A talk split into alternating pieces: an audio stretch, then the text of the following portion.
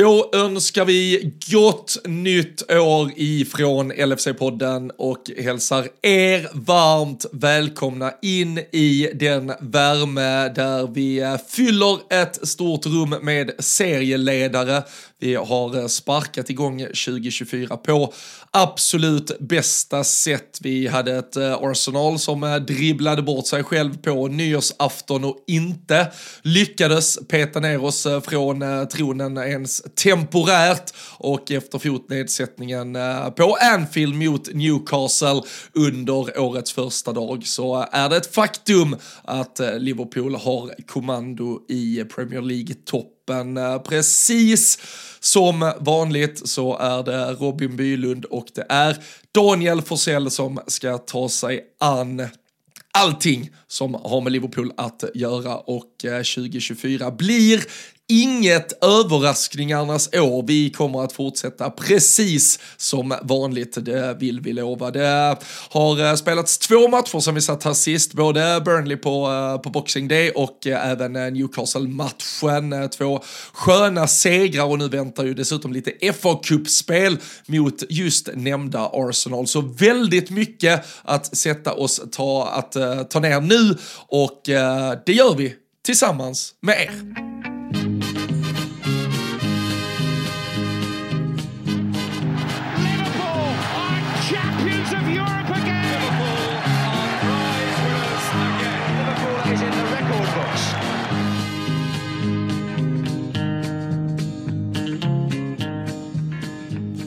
Ja, mycket kan man äh, lova ska äh, förändras, förbättras, man ska ta tag i sig själv, Danne. Men när det gäller LFC-podden och ett nytt år, då är vi istället konstanten i äh, folkets liv.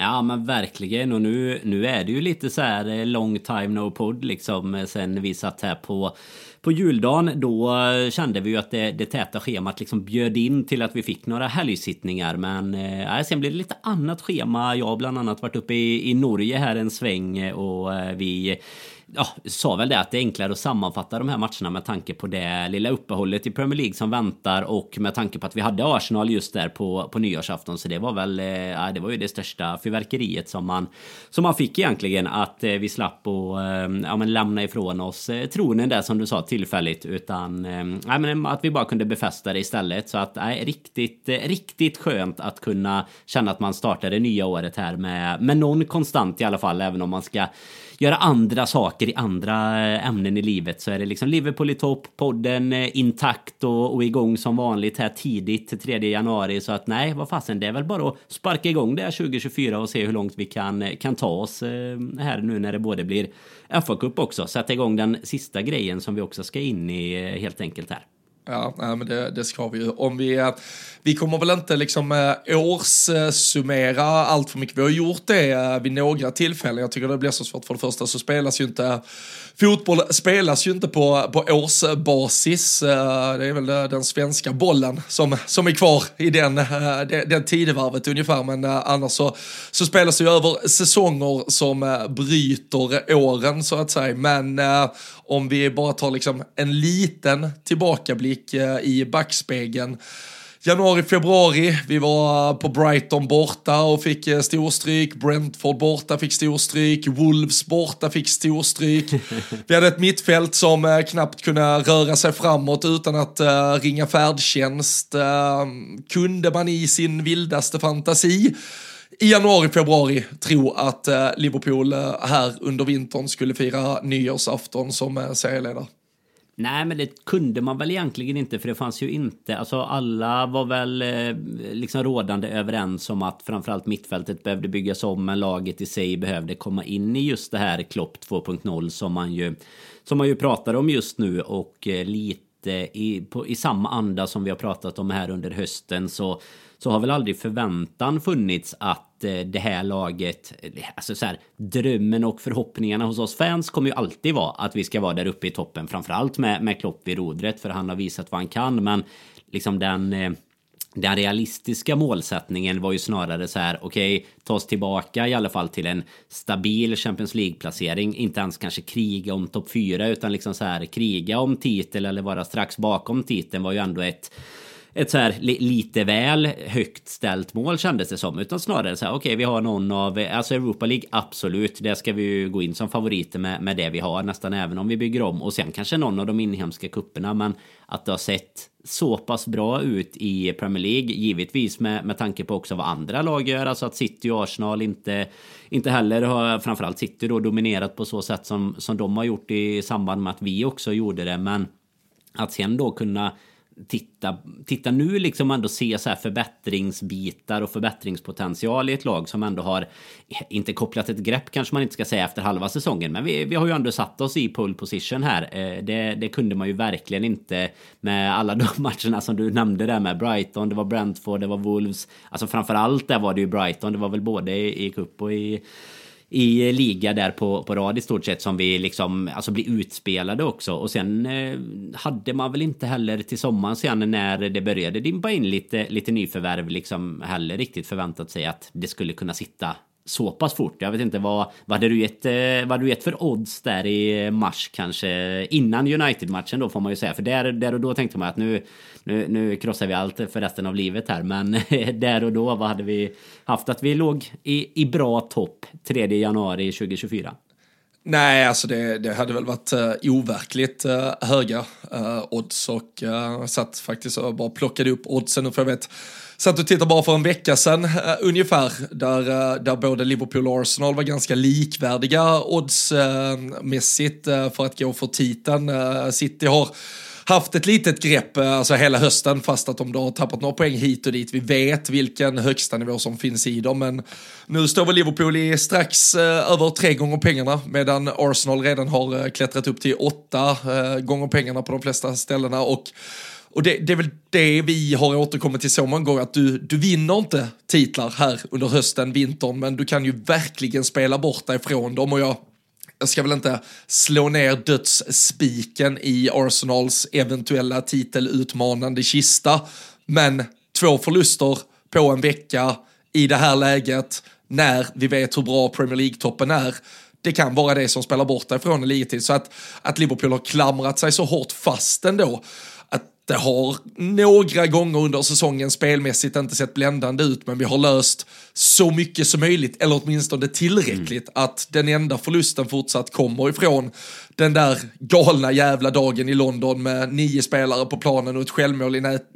nättaket i 96. Det, det, det säger någonting om en äh, jävla styrka som har byggts i det här laget och jag tycker, när vi tittar nu på de senaste matcherna där vi hade vi hade West Ham hemma i kuppen, vi hade United hemma som eh, såklart slutar mållöst, men där det ändå är en spelmässig otrolig överkörning. Inte målchansmässigt kanske på samma sätt som det vi ser här nu och eh, mot Newcastle så kommer ju proppen ur på alla sätt och vis där vi har något eh, form av XG-rekord i Premier League-historien och eh, målmässigt så eh, om bara en straff och ett par avslut till hade suttit ungefär där de bör sitta så, så gör vi ju liksom sju, åtta mål utan att det skulle vara i överkant. Så eh, det, det är ju ett Liverpool som som också har fått fart på det spelmässigt och jag tycker just nu att uh, mittfält uh, och alltså från back, vi, vi stundtals har liksom olika delar av laget tagit, tagit jävligt mycket ansvar så det det är mycket som är rätt och jag tycker att väldigt många spelare, vi har ibland pratat om eh, truppsammansättning, spelare 13, 14, 15, vad bidrar de med? Men Matip borta, Robertson borta, mittfältare borta till höger och vänster, någon anfallare som var skadad i, skadad i olika liksom, perioder och sådär. Vem som än har klivit in har tagit ett jävla ansvar. Joe Gomez helt briljant senaste tiden. Curtis Jones, briljant nu senaste också. Det eh, är, äh, det är ett Liverpool-lag som äh, jag kunde inte se det befinna sig på en så bra plats som det gör nu och äh, konstanten och garantin för att det skulle bli så, det är ju Jürgen Klopp, så det är ju han vi måste lyfta på den lilla tyrolerhatten för. Ja men så är det ju absolut. Och, och, jag tycker bara man kan titta också om vi tar det senaste tiden. För sig bara tar man december till exempel så har vi ju Det är verkligen en, en månad med, med två olika ansikten där. Början var ju verkligen de här segrarna som du pratade om där. Alltså vi De här alltså om man nu ska kalla det liksom mästarsegrar vi, vi vänder mot Crystal Palace Vi vänder mot Fulham. Och jag menar vi i många lägen sätter vi oss i dåliga situationer själva genom att inte komma upp spelmässigt. Det är samma, vi vinner liksom så stabilt sett på pappret med 2-0 borta mot Sheffield United, men man minns ju det som en match som som man liksom hellre hade slängt på lite målarfärg på väggen och bara låtit den torka under, under liksom resten av månaden i stort sett. Vi, åker i och för sig med ett helt, alltså så här, det, ja, ett lag som är helt desarmerat, det spelar ingen roll. Vi åker och förlorar i sista gruppspelsmatchen i Europa League där. Men sen är det ju United-matchen som du säger, tycker jag någonting eh, förändras väldigt mycket för att där, det, visst det är 0-0 och det är som du säger, alltså farliga målchanser och sådär fick vi kanske inte riktigt till där. Vi fick sjukt, alltså det var ju där vi sa det, då, vi, vi sköt ju på allt liksom. Vi, vi fick, det var bara sjukt mycket skott hela tiden. Men sen tog vi med oss det till eh, kuppen sen mot West Ham och lyckades liksom så här okej okay, nu, nu kör vi den typen av taktik men vi siktar lite bättre, vi får in fem bollar liksom, det är bra spel. Såklart ett West Ham som eh, inte, inte riktigt var jättevakna försvarsmässigt men jag menar samtidigt ska man säga så här. Eh, Vet du hur många mål West Ham har släppt in sen dess? Nej, de har ju släppt in noll mål sen dess. De har ju tre raka nollor mot United, Arsenal borta då och så Brighton nu i, igår var det ju. Så att det har man ju fått haft Ariola på bänken också på tal om fantasy. Kan vi komma till sen när vi ska sammanfatta andra grejer. Men nej, alltså jag menar det, det säger ju ändå då någonting om att visst, deras försvar såg inte så bra ut i den matchen. Men var det liksom en kombination kanske av att deras försvar inte såg så bra ut och att vi gick riktigt bra? För jag tycker ju att vi fortsätter ju på precis samma sätt sen egentligen. Alltså vi mot Arsenal är det en bra match, men där är det en bra match från två håll. Burnley, eh, när vi kommer in på de matcherna vi, vi än, så länge, än så länge inte har hunnit prata om, så är det ju liksom Ja, vad tar det? 4-5 minuter innan Darwin sätter 1-0 och sen är det ju en ganska behaglig resa även om Tierney vill göra den till något annat och lite samma sak nu mot Newcastle. Det är ju egentligen bara, alltså det är en missad straff det är ett mål bortdömt efter 20 eller vad det är precis innan straffen där. Men jag menar det är ju en spelmässig total överkörning. Alltså vi kommer ju ut med en frenesi och eh, liksom det snackar vi om så här. Podden kommer ut med bra tempo 2024. Men om, om det är det där Liverpool vi ska få se 2024. Eh, då kommer det bli en otroligt rolig vår i på, på liksom samtliga håll för att det var liksom en på nyttfödd eh, Luis Diaz här, eh, något nyårslöfte att han ska vakna till igen. Och, och så liksom bara en, en sån frenesi även, alltså med 0-0 i halvtid där så var ju den enda farhågan liksom och nej, är det, en, är, det en sån dag idag? Ska vi liksom få typ den här 7 XG fast, eh, fast det ska bli 0-0? Lite som United-matchen fast med, med ännu solklarare chanser och liksom en Dubravka som jag tycker konkurrerar med, med Salah om matchens lidare där. Då ska man dra det över, över 90 minuter så är det väl kanske han egentligen som, som är det trots att han släpper in fyra mål liksom eh, och, och Salah bara dök upp i en halvlek. Men det, det räckte ju gott det också för våran eh, kära Mo Salah som, som det så ofta gör. Byter man skor i paus så är man en ny människa.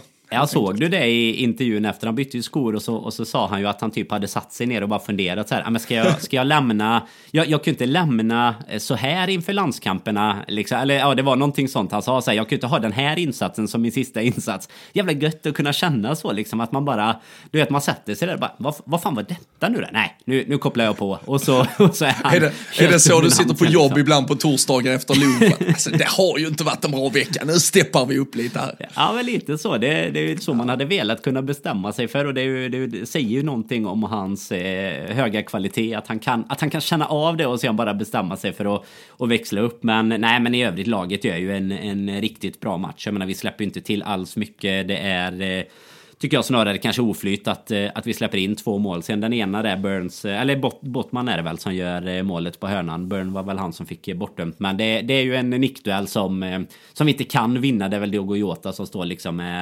40 centimeter kortare där. Och det är så här, det, det är ju bara lite slarvigt i det läget. Men nej, en match som, som verkligen har krattat manegen för en, en fin vår här. Mm.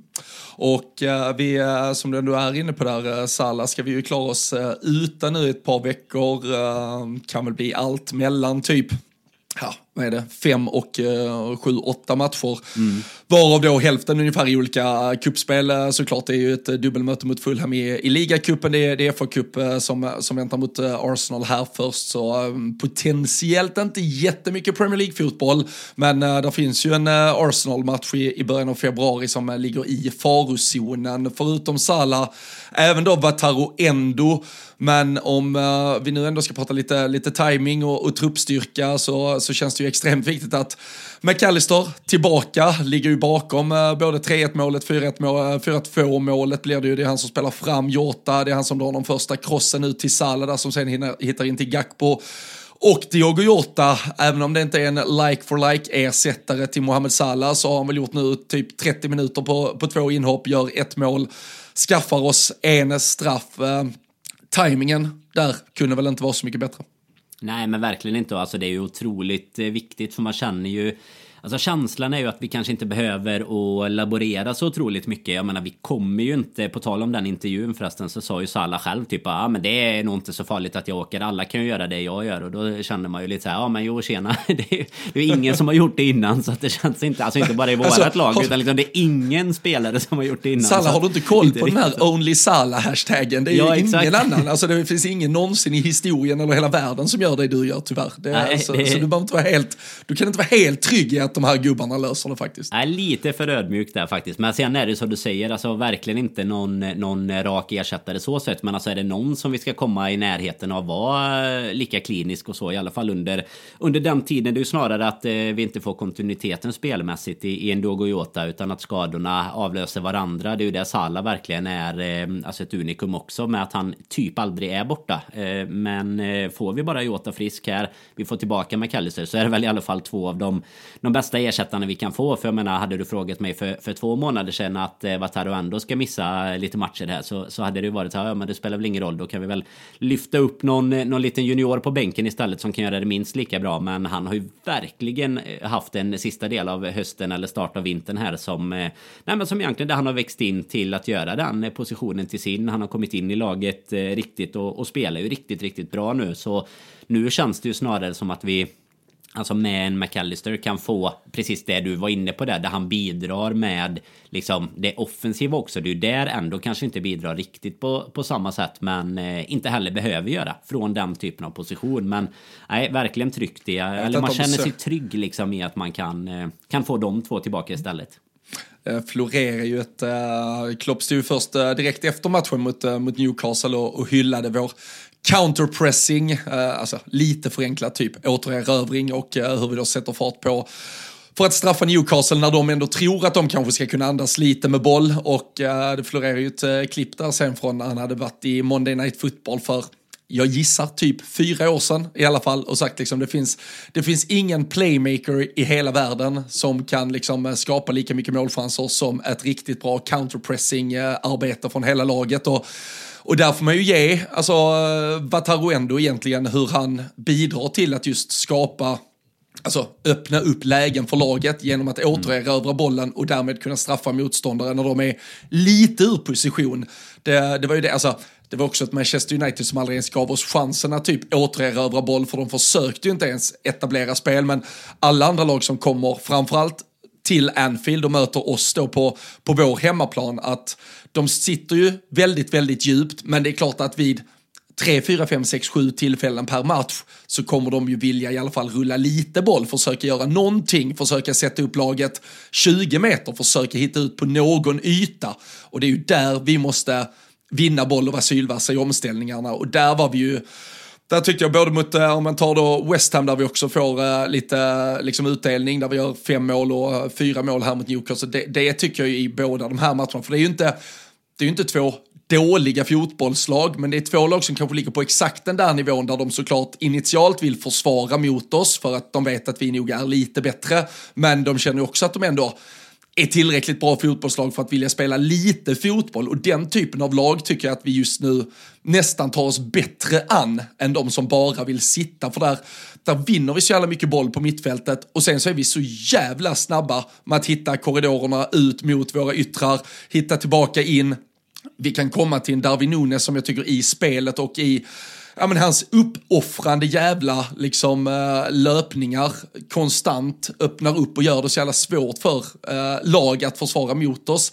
Så uh, jag tycker, ja, helheten där som sagt och Wataru ändå lite, jag tycker ändå han har varit lite nyckel senaste veckorna på mittfältet för att få, ett, ja, men få en helt ny frenesi på det och just det där omställningsspelet har han varit jävligt viktig i så jag, jag hoppas att vi bygger vidare på det ändå och inte blir för om man säger, stationära. Sen är ju fördelen då att blir vi lite stillastående så har McAllister kanske en bättre fot för att hitta in med de bollarna ändå. Men eh, jag tycker ju sättet vi har tagit oss an för att försöka straffa motståndet har varit eh, fan exceptionellt senaste veckorna.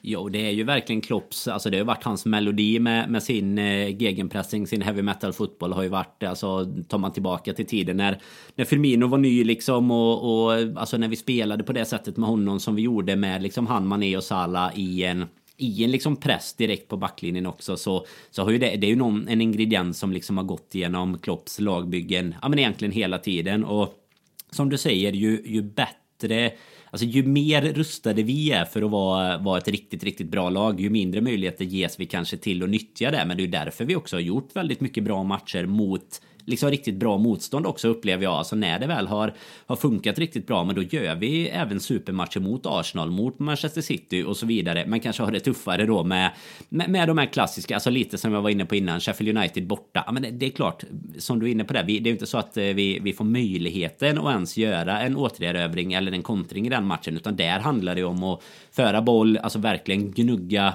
gnugga, gnugga fram tills att de inte orkar med längre egentligen. Och det är lättare att orka med om man inte själv försöker anfalla på, på liksom 90 minuter plus egentligen. Men är verkligen bara en, eh, en hyllning till vad vi lyckats med på, på så pass kort tid tycker jag. Jag tycker också att vi, vi ska stanna lite för det är ju en så här, det är ju en vattendelare någonstans ändå som vi... Jag tror att vi sitter i, i lite i samma båt. Det gör man väl i mycket när man sitter i liksom Liverpool-båten. Men folk vill ju få det att framstå som att Darwin liksom är typ världens sämsta värvning och sådär. Men jag kan inte förstå hur man kan... Alltså jag kan förstå hur man kan se det som ett problem och hur man kan vara oerhört frustrerad över att bollarna inte sitter i nät.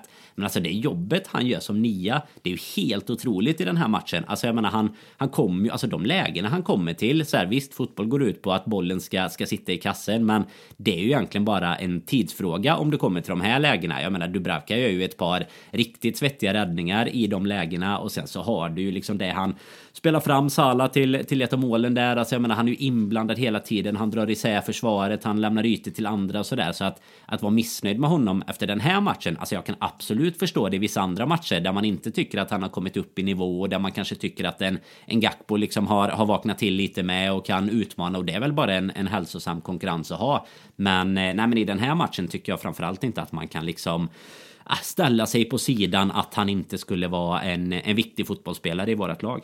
Nej, och jag tror alltså man måste ju någonstans förstå att om vi har Mohamed Salah i vårt lag som gång på gång på gång gör en jävla massa mål så, så finns det ju inte, alltså vi kommer ju inte liksom börja göra tusentals mål eller göra sju, åtta mål per match. Alltså man kan, man kan absolut titta på klipp och tycka att här har vi fem tydliga missar, fem lägen som borde varit mål och i den bästa av världar hade det såklart varit mål. Men alltså fotboll är någonstans ändå ett systemspel som över tid ska ge en viss effekt och då finns där x antal mål antagligen att fördela på ett lag, hur bra det fotbollslaget än är. Tittar vi på Arsenal som har en eh, fronttrio, om vi bara lägger ihop eh, Gabi Jesus och Bukayo Saka, som väl ändå får motsvaras vara Darwin Nunes, Mohamed Salah, det är deras nia och deras högerytter. Du har eh, Bukayo Saka har 6 plus 6 och Gabi Jesus 3 plus 1. Darwin Nunes i ligaspelet 5 plus 6, det vill säga han är, är ju då på Bukayo Saka-nivå i så fall, som är deras bästa spelare i den där fronttrion poängmässigt. Tittar vi sen då på Mohamed Salah, ja då har han 14 plus 8. Så då ligger han ju bakom 18 mål fler än Gabi Jesus liksom. Så totalt har de ju bidragit med 17 fler mål än vad Arsenals dito har. Och eh, nu kanske vi börjar närma oss någon form av eh, punkt där faktiskt också den där Arsenal-trion får lite kritik just för att det brister lite för mycket framför mål. Men som sagt, vi är 17 mål framför på de två spelarna och jag tycker att det har varit jävligt mycket mer högljutt kring Darwin Nunes och hur han då är icke-existerande i stort sett och bränner alldeles för mycket för att Liverpool någonsin typ ska kunna vinna någonting. Då, då tycker jag inte man jag vet inte om man ser hela matcherna, man kanske bara ser något form av paket där, eh, där det är en eh, ribbträff och eh, att han får en felträff som, som vevas och, och, det är klart att det kan se lite plumpt ut men jag tycker diskussionen blir skev när jag ser på sociala medier sen i, i en match som den mot Newcastle där då framförallt också när, eftersom jag vet att det är så mycket svensk bias i det men där Alexander Isak han får ett läge, han gör ett mål. Ja men okej, okay. ett, ett läge, ett mål men så som matchen såg ut och så som han bidrog till spelet så var det större sannolikhet att Newcastle nog aldrig någonsin igen kommer få en målchans. Så det är ju inte så jävla bra att ha en anfallare som inte kan bidra till att skapa en enda målchans för sitt lag. Då är ju hellre en anfallare som ser till att vårt lag skapar 20 målchanser. Sen om han sätter dit en själv, eller inte, om det är Luis Diaz, eller om det är att någon blir fälld och vi får en straff, eller att det är Mohamed Salah som kommer in, eller att vi har tröttat ut den där backlinjen så jävla mycket så att Diogo Jota sen bara kan promenera rakt igenom och lägga in en boll. Vad vet jag, alltså, men uh, nej, det, det kommer, vi jag, jag, tror man måste acceptera David Nunes eh, för, för vad han är just nu. Det kommer säkerligen och förhoppningsvis, och jag, jag springer längst fram och, och, och, hoppas mest av alla att det kommer komma en dag då han får den islossningen som betyder att han blir typ en 20-målsskytt i ligaspelet. Men fram tills dess så, så kommer jag välja att se allt det positiva han gör i alla fall. Sen kommer vi ha någon sån Luton bortamatch där man svär över att poängtappet någonstans fan ändå kan typ kopplas till att det var slarvigt i avslutslägena. Men jag tycker att man den dagen och de gångerna det händer så måste vi nog komma ihåg alla de matcherna där han har ja, men skapat totalt kaos i motståndarförsvaret och öppnat upp för alla spelare runt omkring sig istället för att uh, sitta och gnälla för mycket. Sen uh, är det ju frustrerande, alltså det är den första att skriva under ja. på. Men eh, jag, nej, jag tycker att man måste försöka välja hur mycket han bidrar till uh, spel. Där tycker jag skillnaden är mot förra året. Där kunde man ifrågasätta lite hur han egentligen funkade i laget. I år så tycker jag att han fungerar briljant i laget. Ja, och framförallt om du tar nu målet till exempel då mot, mot Burnley. Jag menar, han visar ju också eh, alltså, att han inte är en dålig avslutare. Jag tycker inte att eh, många av lägena mot, mot Newcastle egentligen är så här. Det, det är inte så att man kanske i sig bara kritisera själva avsluten heller, utan det beror lite på vad, vad målvakt gör eller liksom, ja men lite. Om man ska vara riktigt sån, alltså lite oflyt, studsar och sådär också. Jag tycker ändå att han liksom jobbar sig in till tillräckligt mycket, eh, alltså till att det ska förtjänas lite mer mål även till hans sida. Det är ju bara så otroligt frustrerande. Jag menar, det var ju någon match, det var väl kuppen där också, när det, där det inte ville sig. Det blir stolpe istället för stolpe in liksom. Och Sen tror jag att, eh, alltså när du lyfter Luton där till exempel, alltså inte just nu tänker jag inte på han specifikt, men jag tror att det som också är väldigt speciellt i vårt läge just nu det är att Klopp har kommit till ett läge de sista åren där det liksom även med det här nya laget och så så har liksom kravbilden är så hög att inför varje match, alltså oavsett om vi tror att vi ska vinna eh, liksom ligan eller inte, men så är det ju så att inför varje match som typ inte är Arsenal borta, Manchester City borta i stort sett så har ju vi ändå bilden av av att vi ska kunna vinna matchen och det är bara att titta på jag menar lag, alltså Arsenal tappar poäng, nu förlorade de mot West Ham senast, alltså du har City som tappar poäng, mindre bra insatser och så vidare. Och det är ju bara att inse att det kommer ju vara så även för oss. Sen om det sker på liksom mot Luton och på bekostnad av att vi har missat en del chanser. Alltså då är det kanske så här. Jag tar ju. Det, det är ju mycket mer frustrerande som du säger, men jag tar ju hellre ett poängtapp i en match där jag ändå kan känna någonstans att vi gjorde det kanske tillräckligt bra för att vinna istället för att vi hade tappat poäng typ mot Fulham hemma där de liksom eh, vinner på att de är bättre eller Pallas liksom. Alltså, jag tycker man glömmer de här matcherna där vi faktiskt också är lite sämre kanske och eh, ändå gnetar in poängen och då kommer man aldrig kunna få liksom, man kommer aldrig kunna få allt. Man kan inte riktigt sitta och vara supermissnöjd med allt när vi har den positionen som vi har i ligan. Sen kan man ju såklart se enskilda potential där det finns för förbättring. Men jag menar om Darwin bara fortsätter det göra, eller göra det som han gör så är jag ju helt övertygad om det ser ut som det gjorde mot Newcastle att fler bollar kommer sitta. Sen kommer han säkert fortsätta missa en del också, men det kommer sitta fler bollar än vad det har gjort det senaste och då, då kan man liksom inte sitta och argumentera för att vi, vi skulle ha någon typ av av liksom killeranfallare istället. För då får du kanske inte det andra som du nämner. Du nämner assist, du nämner upp, speluppbyggnad. Jag menar, då ska du upp och ha en typ Harry Kane. Och jag menar så jävla många av den typen av spelare som både kan vara länk, avslutare och allt i, i samma paket. Nej, men det finns det ju faktiskt inte. Nej, och um, som sagt, vi, vi behöver inte fastna, vi, vi, vi, vi ska vara en podd med eh, Liverpool-glasögon, men eh, jag tycker ändå det är liksom ganska aktualiserat här senaste veckan dessutom, eftersom det är en direkt rival om en potentiell ligatitel med, med Arsenal där till exempel, och som du säger, de, de förlorar mot West Ham och Fulham här senaste veckan. De gör ett mål, det är en eh, retur som Bukayo Saka petar in i öppet mål i stort sett. Gabi Jesus i dem, de två matcherna skapar typ inte en enda målchans. Jag tror att Arsenal-fansen, om de går till sig själva, hade tyckt det var lite skönare för fortsättningen ifall Gabi Jesus hade dragit fyra i ribban för att han gör sig fri hela tiden, än att de inte ens ser honom på planen. Mm. Så det är också, vad, vad, är igen, alltså ska vi skratta åt spelaren som missar eller ska vi skratta åt spelaren som inte ens skaffar sig en målchans? Nej men exakt, det är ju helt eh, rätt fokus där tycker jag. För det är lite det som jag menar också med Darwin. Alltså där du hela tiden kommer till lägena så måste det ju någonstans bli lite islossning. Eller så blir det att du kommer sluta komma till lägena. Men jag menar ju mer konkurrens vi kan få där fram med Gakpo som som ju nu gör mål eh, igen. Eh, otroligt assist av Salah för övrigt. Ser ju, ser ju liksom ut som att han eh, bara... Som att det är hur enkelt som helst där med den patenterade yttersidan där utifrån liksom. Men sen, alltså, att han kommer in och gör det bra tror jag också kommer lyfta Darwin till en annan nivå. Och då kan vi liksom växla dem emellan om vi känner att okej okay, nu, nu blev det en sån match där han inte kommit till lägena där vi inte skapar. Nej, men då har vi istället han att kasta in med. Eller tvärtom om någon behöver vila och sådär. sen tycker jag inte heller, nu blir ju det fyra 4-2 till slut. Men man, vi ska inte heller glömma att eh, det ser ju tajt ut ett tag och då, då är det ju eh, återigen eh, efter lite hyllningar i podden här i slutet av året på tal om saker man aldrig trodde skulle hända i, i den här podden kanske så är det ju Curtis Jones som kliver fram och men lite sätter eh, ribban för att få kalla sig matchvinnare även om det är Salah till slut som får alla, alla hyllningar såklart. Men eh, också en spelare tycker jag på mittfältet som har men, tagit lite extra kliv här nu när det har funnits en möjlighet att göra det och kanske då i takt med att en, en Soboslaj eh, nu får vi väl se status. Han höll ju sig för, för baksidan där när han gick av men som vi har sagt sista månaden verkligen inte har kommit upp i, i den nivån som, som han lite lovade och, och liksom satte förväntningar på i, till en början. Han eh, överpresterade ju kanske till vad man trodde och nu istället så, så har han satt en ribba som han inte riktigt kan, kan leva upp till. Men då tycker jag att eh, Jöns kliver fram där så jag hoppas ändå att både mittfält och, och anfall ska kunna funka ganska bra här som du sa i, till en början här timingmässigt med, med spelare som kanske prickar lite form när vi kommer sakna ja, den absolut bästa spelaren eh, liksom under, under hela säsongen och en av dem som har kanske tagit mest kliv under, under sista tiden här. Mm.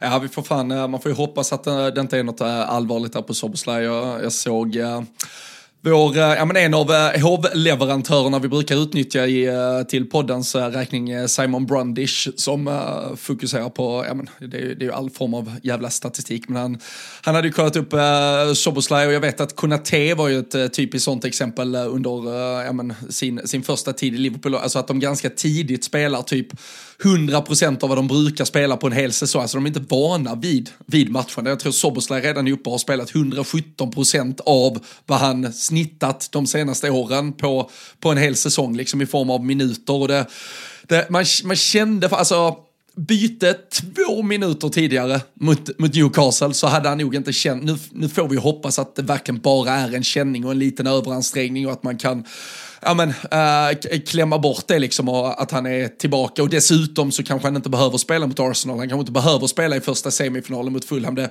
det finns möjligheter att vila två, tre veckor här äh, framåt också ändå. Men äh, vi, alltså, det, det, är väl det, det enda som är, och alltså, vi, nu, nu har det varit skador på de flesta. Vi har faktiskt inte haft så mycket just liksom förslitningsskador muskelmässigt än så länge. Så jag hoppas ju att vi fortsätter uh, hantera truppen med varsamhet för uh, det är klart att vi behöver varenda spelare men, uh, men sen som du säger också Curtis Jones är en av dem som ja, men verkligen växt ut. Joe Gomez som jag nämnde också inledningsvis. Jag, otrolig har han ju varit uh, mm. hela december uh, och framåt här. Och uh, jag såg ett annat konto jag brukar följa, liksom, så jag tycker har ganska bra taktiska spaningar som brukar vara jävligt kloka. Han bara, så här, han bara slog fast allt annat än att Curtis Jones startar för det engelska landslaget i EM vore liksom tjänstefel och Southgate och då känner jag bara så här, nu har det hänt mycket på ett år om Curtis Jones är alltså ordinarie startspelare i Englands landslag.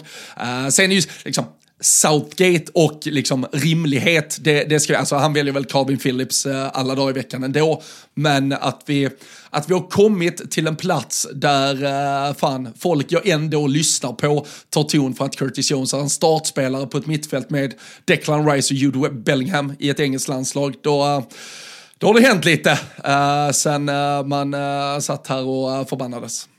Ja, verkligen. Då har det tagits kliv kan man ju lugnt säga. Men jag, på tal om, eh, tror jag att det var Brandish faktiskt, som jag sprang över lite statistik också på, på just det här med ett, eh, återerövringar och sånt eh, i liksom hur mycket man, man skapar kontra när han jämförde med, med till exempel en, en Henderson då som du eh, nämnde som du kanske refererar till lite när du pratar färdtjänst tidigare där. Eh, det, då, eh, det finns ju statistik som verkligen är underbyggt för att det kanske stämmer som, som som eh, det kontot säger. Alltså att, eh, att eh, Jones spelar så pass bra att han borde kunna förtjäna en, liksom, ja, både Både var ju snacket om en startplats hos oss såklart oftare och, och även mot landslaget och det är ju verkligen så här om man tittar på den typen av, eh, av statistik så är det ju en helt annan spelare mot vad vi har sett för också. Sen är det ju såklart att man tycker väl att i, i just engelska landslaget har det funnits brett om konkurrens nu det, den sista tiden. Men det är ju också så att en sån spelare som han kommer ju, alltså det såg man när, när han var bärande liksom i, i U21 där, alltså en sån spelare kommer ju också utvecklas så enormt mycket av att ha den typen av spelare runt omkring sig. Så att eh, ingen blir väl gladare än, än oss om det kommer vara, vara så att han eh, lyckas att trycka sig in på, alltså sent omsider får man ju ändå, ändå kalla det, ett sätt till hur länge man känner att han liksom har varit en, en stor talang hos oss, men att han börjar att trycka sig in på ett, eh, ett mittfält med mer regelbundenhet också och nu, alltså just nu tycker jag ändå att det är hans plats plats att, alltså framförallt med ändå borta med och att McAllister kommer behöva kanske hålla sig till till den positionen han har så är det ändå hans plats att eh, tappa om man säger så. Han är ju ändå dessutom liksom bara 22 år fortfarande. Jag fyller väl 23 här i slutet på, på månaden så jag menar det är fortfarande en ganska ung spelare sett till hur, hur det känns. Det känns ju som att han skulle kunna vara typ 26 sett till hur länge han ändå har varit med i snacket och hur, hur ofta, alltså han har ju verkligen varit en sån spelare som har dykt upp så här i någon ligacupmatch mot eh, Arsenal var det väl till exempel som man sätter någon i klykan eller om det var mot Everton liksom. Alltså du vet, han, där man känner att så här, det är nära att han ska ta det sista steget och så faller han tillbaka eller blir skadad eller någonting. Men vi får väl hoppas att det blir någon sorts eh, sjunde gången gilt här på, på Curtis Jones. Ja, så Arsenal hade ju flaggat upp lite intresse för Curtis Jones nu också. Det hade varit uh, jävligt spännande om vi, när han väl uh, växt ut liksom, fullskaligt typ och blivit en ordinarie startspelare i Premier League, då skulle vi få för oss att sälja honom till vår typ just nu, liksom, ja, men, tajtaste konkurrent om, om topplaceringar i, i Premier League. Men det är också, jag, jag, tycker också det är så svårt för det är, det är ju som vi har snackat om mycket om det kring City tycker jag när man drar den parallellen. Alltså det är ju också så extremt svårt för, alltså både brittiska men även, även såklart andra spelare som kommer in. Men liksom, det är ju svårt att slå sig fram hela vägen och verkligen liksom befästa den där typ startpositionen. Jag menar det är bara att kolla på hur lång tid det har tagit för en, en Phil Foden liksom som man kan säga ännu, ännu större talang så sett. En Jude Bellingham som liksom gjorde sin vända till, till Tyskland. Alltså det, det är ju så här, det, det, är ju absolut inte självklart hur bra du än är att du ska kunna ta en plats i de här lagen. För att jag menar problemet för, för den här typen av spelare som Curtis Jones är att Liverpool värvar ju Soboslaj, McAllister, ändå. Alltså det, det, är, så här, det är ett helt mittfält som har kommit in där han kanske kände så här att okej, okay, nu är det dags för en liten generationsväxling. Nu kan jag steppa upp här och så är det bara Max, max, max Tre nya spelare på de positionerna som du tänker dig att du ska kunna lägga beslag på. Så jag menar konkurrensen är ju, men den är så otroligt hög hela tiden och det är den ju på Premier League, alltså allmänt på Premier League nivå. Men jag menar det är klart att han hade spelat mer, kanske inte just i ett Arsenal, men alltså hade han hade han valt för två år sedan och gått till Burnley eller Sheffield United eller någonting så, hade, så är det klart att han hade spelat vecka ut vecka in. Men sen om det hade varit bättre för hans karriär på, som helhet eller inte, det, det går ju absolut att diskutera. Utan det är väl, eh, ska du, det, det, är svårt att gå den vägen och sen känna att du kommer bli tillbakavärvad till någon av de stora klubbarna också. Så att det är ju, nej, det ska ju respekteras att du verkligen väljer att gneta på och, och liksom tugga vidare och, och kanske till slut få den där ja, belöningen i, i ja, at the end of the sky liksom. Mm. Ja, det, det roliga, jag vet, jag har läst, alltså det måste vara många, alltså tre, fyra år sedan eller något sånt. Jag vet eh, Simon Hughes på uh, The Athletic uh, är han väl uh, nu på i alla fall, mm. har väl varit runt lite överallt. Men jag vet han skrev något, han gjorde liksom något reportage om uh, de olika talangerna som var på väg fram i livet. Det måste varit i samband med kan det varit något av de här Champions League-gruppspelen där vi typ hade liksom Kelle här, Curtis Jones, eh, Nick Williams, eh, ett par spelare som var liksom inne och ändå gjorde det helt okej okay. samtidigt typ, men eh, där han skrev då lite om dem. Då vet jag, han, han skrev just det om uh, Curtis Jones, han hade, brukar ju gå runt på, på, på Melwood och alltså typ när, uh, ja men det var ju också på en tid, om vi spolar ytterligare år när Liverpool kanske inte var så bra, då gick han ju runt och sa till lagkompisarna i ungdomslagen att han sket i det för han höll på Arsenal, men det hade ju Gerard fått reda på en då, då har jag gått och tagit ett rätt så rejält snack med Curtis att du kan säga vad du vill, men om du tror att du hejar på Arsenal, då kommer jag liksom, kommer jag sparka ner dig, din jävel, typ, när du kommer upp till a Så det är, han har väl en vurm, men det är väl också bara en eh, komplimang egentligen till eh, Curtis att han kanske uppskattade Arsene Wenger-fotbollen mer än Roy Hodgson-fotbollen när han var i sin eh, liksom, fotbollslinda. Det, det, är väl, det är väl rimligt och det kanske har visat vägen, eller stakat ut den i alla fall, för vilken typ av fotbollsspelare han blev nu till slut. Ja, verkligen. Och skönt att höra att Gerard har lite tränare i sig trots alla, alla tveksamma karriärvägar. Det känns ändå som eh, kanske det bästa han har gjort som, som tränare. Kanske lite tillsammans med Rangers då, men, men det tycker Fast jag man, han man, vet, bra, man vet ju också att det är exakt den, eh, liksom, det tränar... Uh, ja, men det är den tränargärning han har i sig. Det är att gå fram till unga spelare och säga att om du inte gör så här så sparkar jag ner dig. Så det, jag vet inte hur liksom, fotbollsfilosofiskt det, det tar sig för att utveckla dem.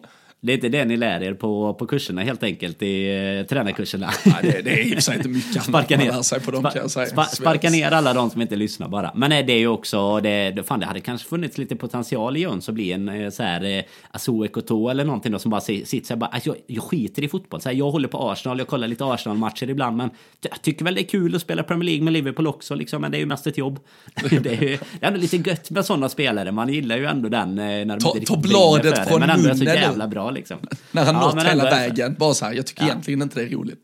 Ja. Fotboll, ja, det var det också. Ja, men det är lite liten hobby jag har där vid sidan av.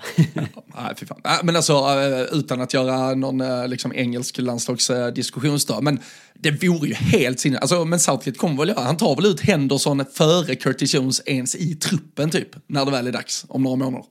Ja men så är det ju antagligen. Och sen har du väl hellre, alltså det jag skulle kunna säga, det som hände lite det sista var väl att en Trent, eh, i och med att de har att de har angenäma bekymmer på högerbacken om man säger så att en Trent eh, som också har gjort det mer i, hos oss kunnat lyfta upp honom på mittfältet och så använda någon av, eh, ja Trippier var ju skadad nu mot oss men eh, Trippier, Walker och, och så vidare. Reece James eh, på tal om skador. Ah, det lär ju aldrig hända igen. Han är ju ja. fotbollsinvalid redan. ja det är helt sjukt faktiskt. Riktigt, men, man, man, får söka, om man vill ha lite kul här nu i början på 2024 får man söka på någon sån här Reece James meme. Det finns ju någon sån där, det, det är från typ Harry Potter, någon sån här Lord Voldemort som ligger i någon sån här bränd bebis ser ut som typ honom. Så här. Ja, det, det, är någonting med att det är så här, ja är det Reece James ägare i FBL? Bara, nej, nej, det är Reece James. så här, det är som du säger, hans kropp är, hans kropp har haft det tufft alltså. Han är fan inte gammal han heller, men han, han kanske vi kan skriva bort från den kvartetten då med, med högerbackar. Men som sagt, det finns ju en en problematik i vem som ska spela det kanske. Då, då är det väl stor chans att eh, man lyfter fram en Trent. Men eh, det är ju, det hade ju varit extremt stort steg också för Jones att ta och bara vara, liksom, få ta över kanske efter Henderson och, och få vara med lite mer i den truppen. Men som sagt, kanske inte under Southgate-tiden. Det är väl inte det vi har de största förhoppningarna till. Nej, men det är väl eh, Curtis Jones och tillsammans med Cole Palmer, då, båda två som var väldigt avgörande för det engelska u i, i somras. Det är väl liksom deras egentligen liksom, eh, tidsmässiga läge att eh, ta klivet upp i seniorverksamheten där också. Men eh, det är för, för senare poddar att kanske titta närmre på. Nu, nu väntar Arsenal i FA-cupen till helgen. Den, vi, vi liksom var inne på det att det inte är så jävla mycket Premier League-spel egentligen här för, för efter Arsenal så har vi första mötet mot Fulham. Vi börjar ju hemma i den där ligacup-semifinalen sista vändan här då man spelar i dubbelmöten. Det försvinner ju från eh, nästa år när eh, Champions League istället ska ha extra matcher eh, även in i eh, januari. Så Bournemouth 21 januari är ju eh, ja, men den enda ligamatchen som egentligen ligger någonstans i någon närhet och det är ju fan tre veckor dit i stort sett. Hur hur tycker du vi ska tänka med, med Arsenal-matchen? Eh, Främst kanske då kontra Fulham-matchen som väntar. I FA-cupen så är det en ganska lång resa. Om vi ska ta oss hela vägen där som det ser ut nu så, så är vi liksom eh, en station ifrån en Wembley-final via ligacupen. Vi är redan framme i åttondelsfinal i eh, Europa League där vi kan vila oss ett par månader till och mitt inne då i ett vad som kommer vara troligtvis ett eh, brinnande titelrace i, i Premier League. Eh, jag, jag ska ju inte säga att man eh, skakar bara eller rycker på axlarna om vi förlorar, men ska vi någon gång förlora en fa Cup-match mot Arsenal så är det kanske på söndag ändå.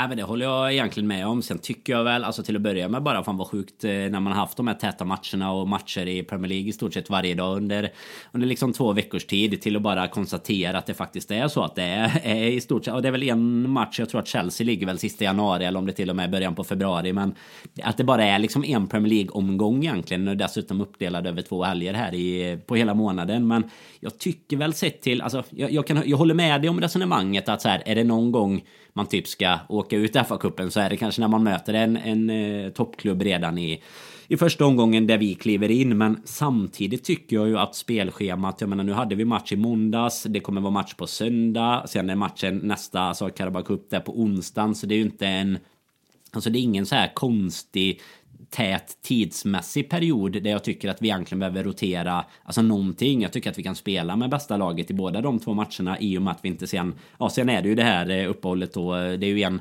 en helg där vi inte har någon match och sen eh, helgen därefter då är det Bournemouth borta liksom den 21. Så att där skiljer det ju nästan ja, vad blir det, en och en halv vecka då innan det är någon match. Ja, precis. Så att jag menar, det känns ju som att det finns ju ingen anledning tycker jag sett till eh, om mer om än om typ Soboslaj har någon känning och sådär till att rotera någonting i kuppen heller. För jag tycker ju att nu är vi Alltså FA-cupen är ändå vad den är. Vi möter Arsenal. Det är ändå finns någon typ av liksom rivalitet och, och bara Alltså bara i att möta Arsenal kontra att vi hade mött något eh, liksom lite sämre på pappret lag sådär. Och sen i, i eh, Carabao Cup är det ju framförallt när vi är i semifinal. Då finns det ju ingen anledning att eh, släppa på någon, någon gas på något sätt. Utan där ska vi ju in och, in och kötta. Sen om det då blir kanske att man att man har lovat en Kelle här att han ska spela kupperna att det blir så istället. Det, det må vara hänt, men jag tycker inte vi ska rotera för roterandets skull, utan snarare då om det är så att man, eh, att man kanske har gjort eh, att Klopp har suttit uppe på kontoret och gjort lite deals med vissa gubbar om att de ska få sina chanser i de här kupperna. Det,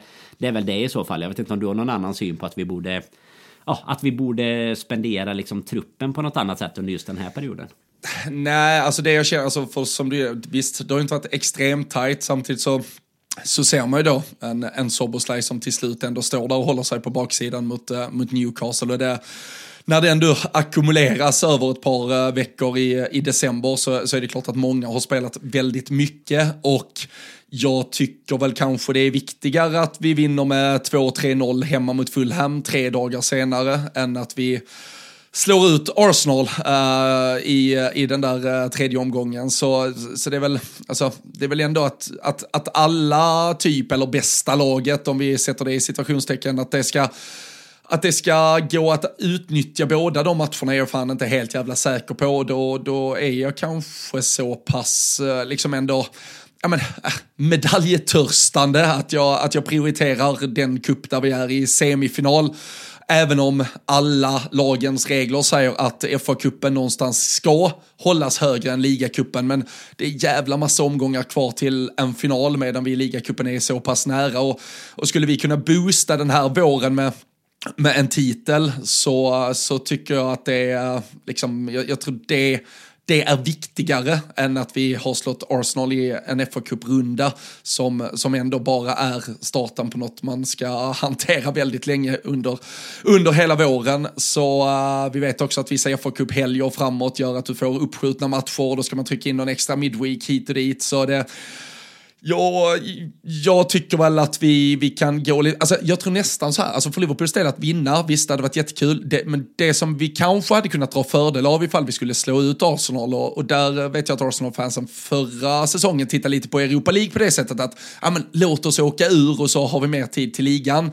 Det tror jag inte var bra för Arsenal och på samma sätt här tror jag vi hade kunnat döda lite ja, alltså deras momentum har väl någonstans dött med de här två förlusterna, men skulle vi komma till deras hemmaborg och trycka dit de här också, då tror jag att man hade kunnat punktera dem rätt rejält, vilket skulle såklart vara skönt i i en toppstrid framåt under säsongen. Så eh, jag, jag tror mer att vi kanske hade kunnat göra det livet mer piss för Arsenal, vilket skulle typ kunna vara en uppsida kontra hur jävla gött det skulle vara för oss själva att gå vidare just i FA-cupen. Det, det, det, känner jag inte någon liksom supersuktan efter, men, äh, Nej, men så, så fan, väl... ja, inte för starkt lag mot äh, Arsenal enligt äh, mig tror jag fan.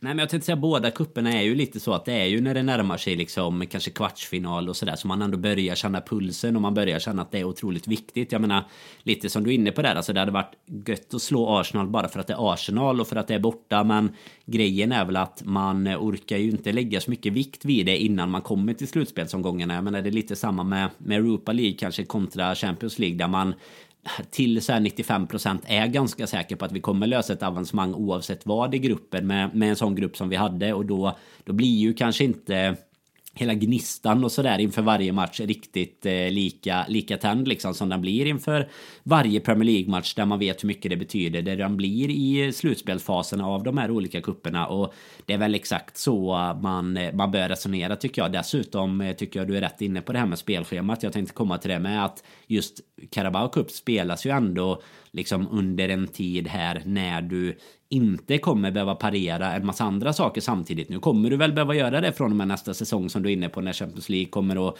förlängas. Eh, Europa League också för den delen om man nu skulle ha otur och, och hamna där till slut. Men eh, jag menar det är ändå så här Ja, någonstans så, så blir ju FA-cupen någonting som du ska hantera samtidigt som slutfaserna förhoppningsvis nu då av både liga och Europa League och där där och då så är man kanske inte lika rustad för det som man är för att gå på en Carabao nu när den ändå ligger så nära till hands och man ska då inte heller tycker jag underskatta att det ändå är så här. Ja, men det är Fulham som vi som vi möter i semin. Det är ju ändå till ja, nu vet jag inte vad oddsen eh, oddssättarna säger, men kan ju inte tänka mig annat än att vi är liksom eh, knappt spelbara favoriter där och sen är det ju då förmodligen ett Chelsea i en, en final eller ett Middlesbrough om de skulle skrälla och jag menar det är ändå så här det är ändå verkligen up for grabs att ta en sån titel. Hade vi mött så här Arsenal nu i semin och så är det City mot Chelsea eller någonting sånt på andra sidan, men då är det så här Visst, lika nära, men ändå mycket längre bort sett till eh, vilka motstånd man potentiellt skulle kunna få. Sen är det ju så att Arsenal, det blir lite spännande nästan att se nu på, på söndag bara, för jag menar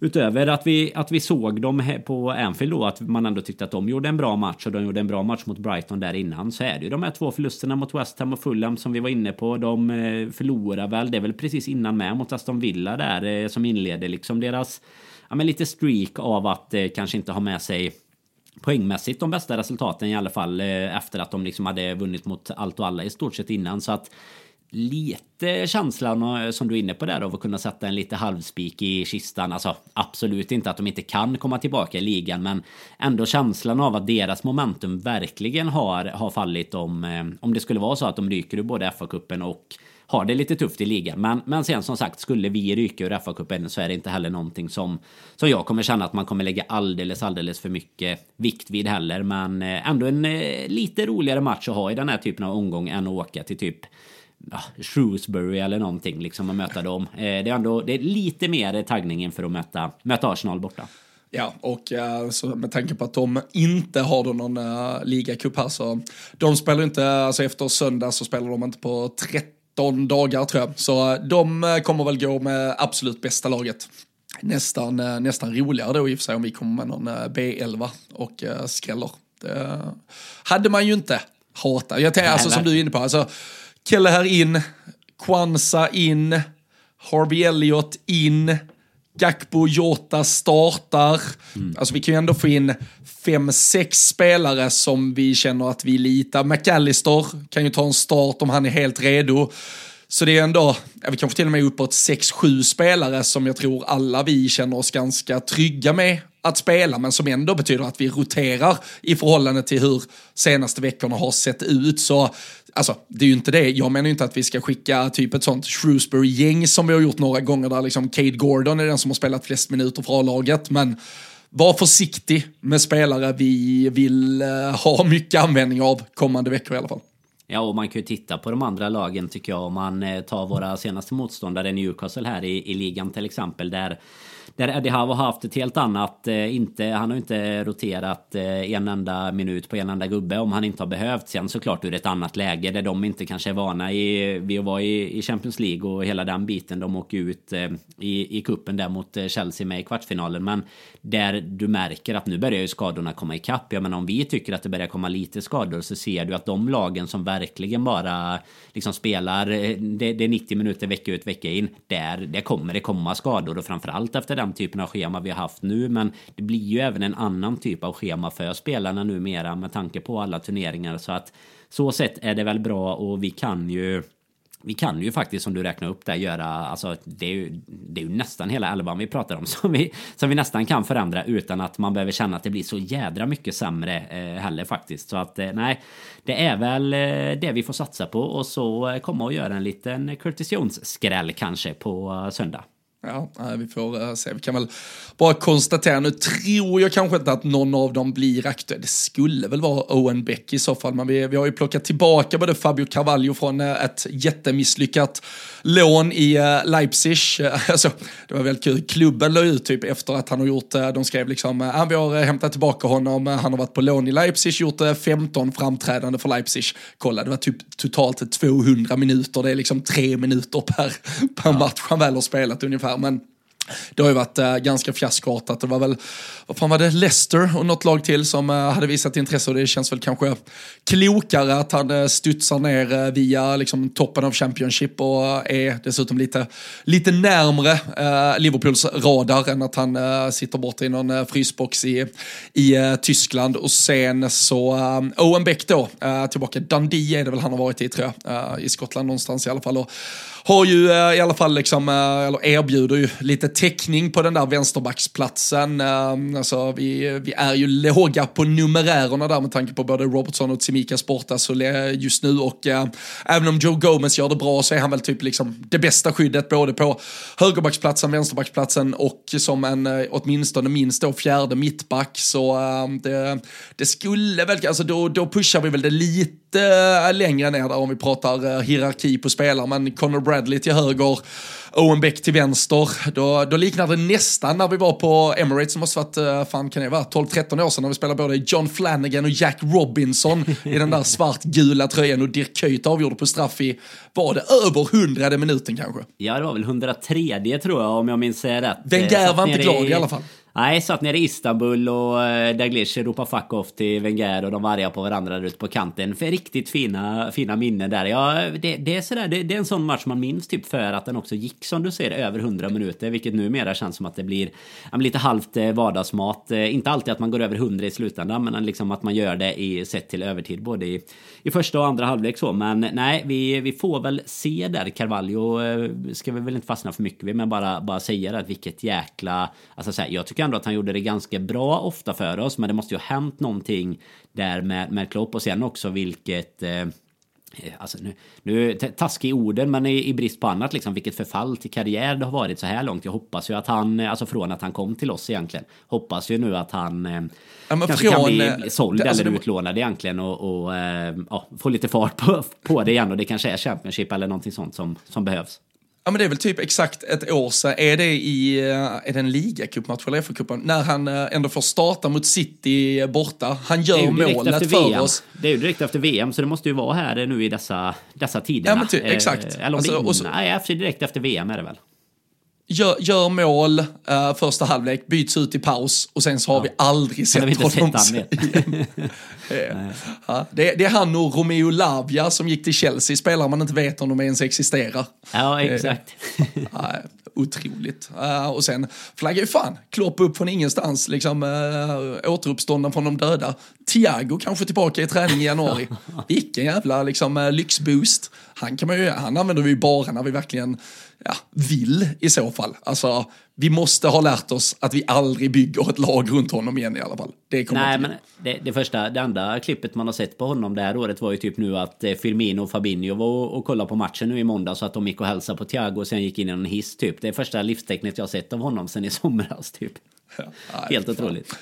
Så är det. Eh, FA Cup väntar eh, söndag 17.30. Sen som sagt då eh, lite, litet break i alla fall då en dryg 10 dagars, eller för, först då tre, tre dagar till Fulham och sen ett litet break efter det. Så vi, vi smiter väl in på måndag Danne, tänker jag och tar ner Arsenal, blickar fram mot Fulham och, och sen så ser vi hur vi lägger upp det med, med det resterande spelschema som väntar för januari januari. Men eh, vi har haft en eh, jävla massa eh, tröjvinnare, tipsvinnare här. Det har ju varit intensivt matchande så eh, senaste eh, två, tre veckorna har det vunnits en jävla massa tröjor. Det är ju på patreon.com slash LFC-podden vi kör eh, tipstävlingar alla Premier League-matcher.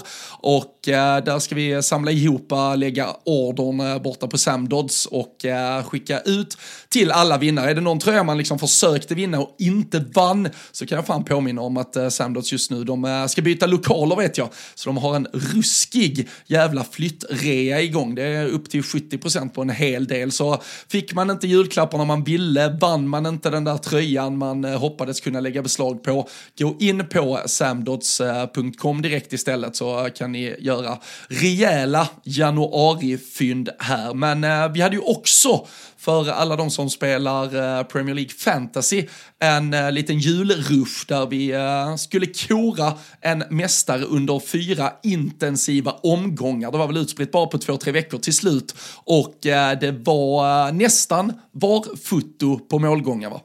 Ja men det var ju det. Det blev ju eh, faktiskt till slut så att det var Christian Hallner som drog längsta strået och han gör det tack vare en triple captain på Mohamed Salah. Så egentligen helt... Eh, det är ingen som, i och med att det är en LFC-podden eh, tävling så är det ju ingen som kan säga att det inte var otroligt välförtjänt och ja, men som kan, kan liksom hurra lite extra för hans skull med tanke på att det är just Salah som, som går in och avgör och ja, han kan ju fortsätta med hashtaggen som, som Salah själv har missat helt enkelt. Only Mo Salah som som avgör till hans favör. Och det var, det var som du säger, det var lite målfoto för det blev ju lite speciellt här i slutet med många spelare som har försvunnit och sådär. Så det, det krävdes ju ända fram tills eh, matcherna var slut igår och lite, ja, men lite byten som, som skulle göras för spelare som hade missat. Så såg jag faktiskt att till och med att sekten trillade in på en topp 10-plats där. Eh, stabil tia. Eh, så att det, det är en otrolig, en otrolig säsong som, som pågår där. Och till och med blev påpekad faktiskt av det på nu på ehm, Twitter X här på morgonen också att eh, du är uppe på andra plats nu i våran totala liga här för året så att nu känns det som att eh, nerverna kanske ska börja spöka lite för dig här när årsskiftet har kommit. Jag vet ju att eh, ligga där i toppen det, det är ju inget som det finns någon vana vid nere i, i sektorn. Nej, nej men det, det, det är jag och Klopp som har ett litet vi tar morgonmötet, liksom, hur ska vi jobba från uh, pole position? Vi är, vi är två mästare som ska rida ut en storm här, ta oss hela vägen in. Vi vet att etablissemanget motarbetar oss, men uh, vi, vi kommer knyta näven och där, där får man, alltså, sen är det ju därför vi också gör typ julruschen och det här. Det är ju för att folk ska få liksom, liv i sina säsonger. Så, som du är inne på där, Christian spelar en triple captain. Jag har sett lag som kör bench boost och det har varit wildcards hit och dit. Man har ju liksom offrat kanske lite då chip mm. för att uh, få fart på grejerna där. Jag som är liksom in it in the long run, jag måste ju spara sådana grejer vet du, så ändå uh, otroligt stolt över min tionde plats även under intensivt uh, december. och sitter man ju på, sitter jävligt bra till, du vet med fria byten här. Son och Sala ska vi tacka av och så ska vi fylla på med riktigt heta gubbar som ska in och, och göra det för oss. Så Nej, du, Jones, kommer, som, är det Curtis Jones som ska in här nu kanske? Fy fan, det måste alltså, vara prisvärt. Inte, inte dumt. Uh, nej. nej, men Diogo Jota ligger väl inte jättedumt till. Nej, verkligen han ska med. Han ska Nej, nog ju, med på färden. Ja, jag tänkte säga det, man får hålla koll där eh, också. För jag såg, jag såg faktiskt det. Jag kollade igenom snabbt på Christian där och det gäller väl även för de andra i toppen kan jag tänka mig. Att eh, han hade även dratt någon free hit och sånt här under, under de här veckorna. Så jag kan ju anta utan att egentligen ha en enda aning. Men i och med att han har lagt alla chip här så, så kan jag ju tänka mig att det kanske är så att han har satsat rejält på julruschen. Och säsongen är över. Ja, men lite säsongen är över nu. Han kanske har något kvar till nästa etapp. För att det är det man får hålla utkik på Patreon tycker jag. Alltså dels då har vi ju resultattävlingarna och de, de kommer ju fortsätta som vanligt. Men, men Christian går ju in här och, och får välja valfri vara på Samdodd. Så att jag menar det finns ju anledning att eh, om man tycker att säsongen i fantasy är helt död efter två omgångar liksom i vanliga fall så finns det ju faktiskt eh, anledning att, att skaka liv lite i sin inre klopp där när det väl är de här etapperna. För att eh, vi försöker ju köra ja, lite kortare sessioner just för att det ska bli lite intressant så att man typ inte ska hinna tappa intresset. Som du säger, det var väl över två, två och en halv vecka här ungefär och, och det det kommer ju såklart fortsätta. Så in på Patreon bara och häng med oss så eh, kommer det komma mer här under, under våren, det vågar vi lova. Det gör vi absolut. Eh, vi eh, tar sats här, stärkta av 4-2 mot Newcastle. Vi, vi kliver rakt in i det nya året med uppfällda jävla segel, den bröstkorgen utåt, tuppkammen rätt upp. Vi, vi gasar på. Liverpool går mot härliga, spännande jävla tider och eh, förhoppningsvis riktigt höga placeringar på eh, flera håll. LFC-podden, den gasar vidare. Alltså, va, alltså 2013 drog vi igång det här, Danne. 2024 kliver vi in i nu. Det är helt otroligt. Vi får, vi får se när eh, klubben arrangerar någon testimonial-match. Du och jag mot James Pierce på ett fullsatt Anfield eller någonting. Jag vet fan vad det blir av det, men stort kommer det bli, tror jag i alla fall. Vi älskar att eh, ni lyssnar, spenderar de här eh, timmarna med oss eh, varje vecka. Det är för jävla trevligt. Så eh, ha nu en riktigt skön start på det nya året. Ta hand om er där ute så hörs vi snart igen.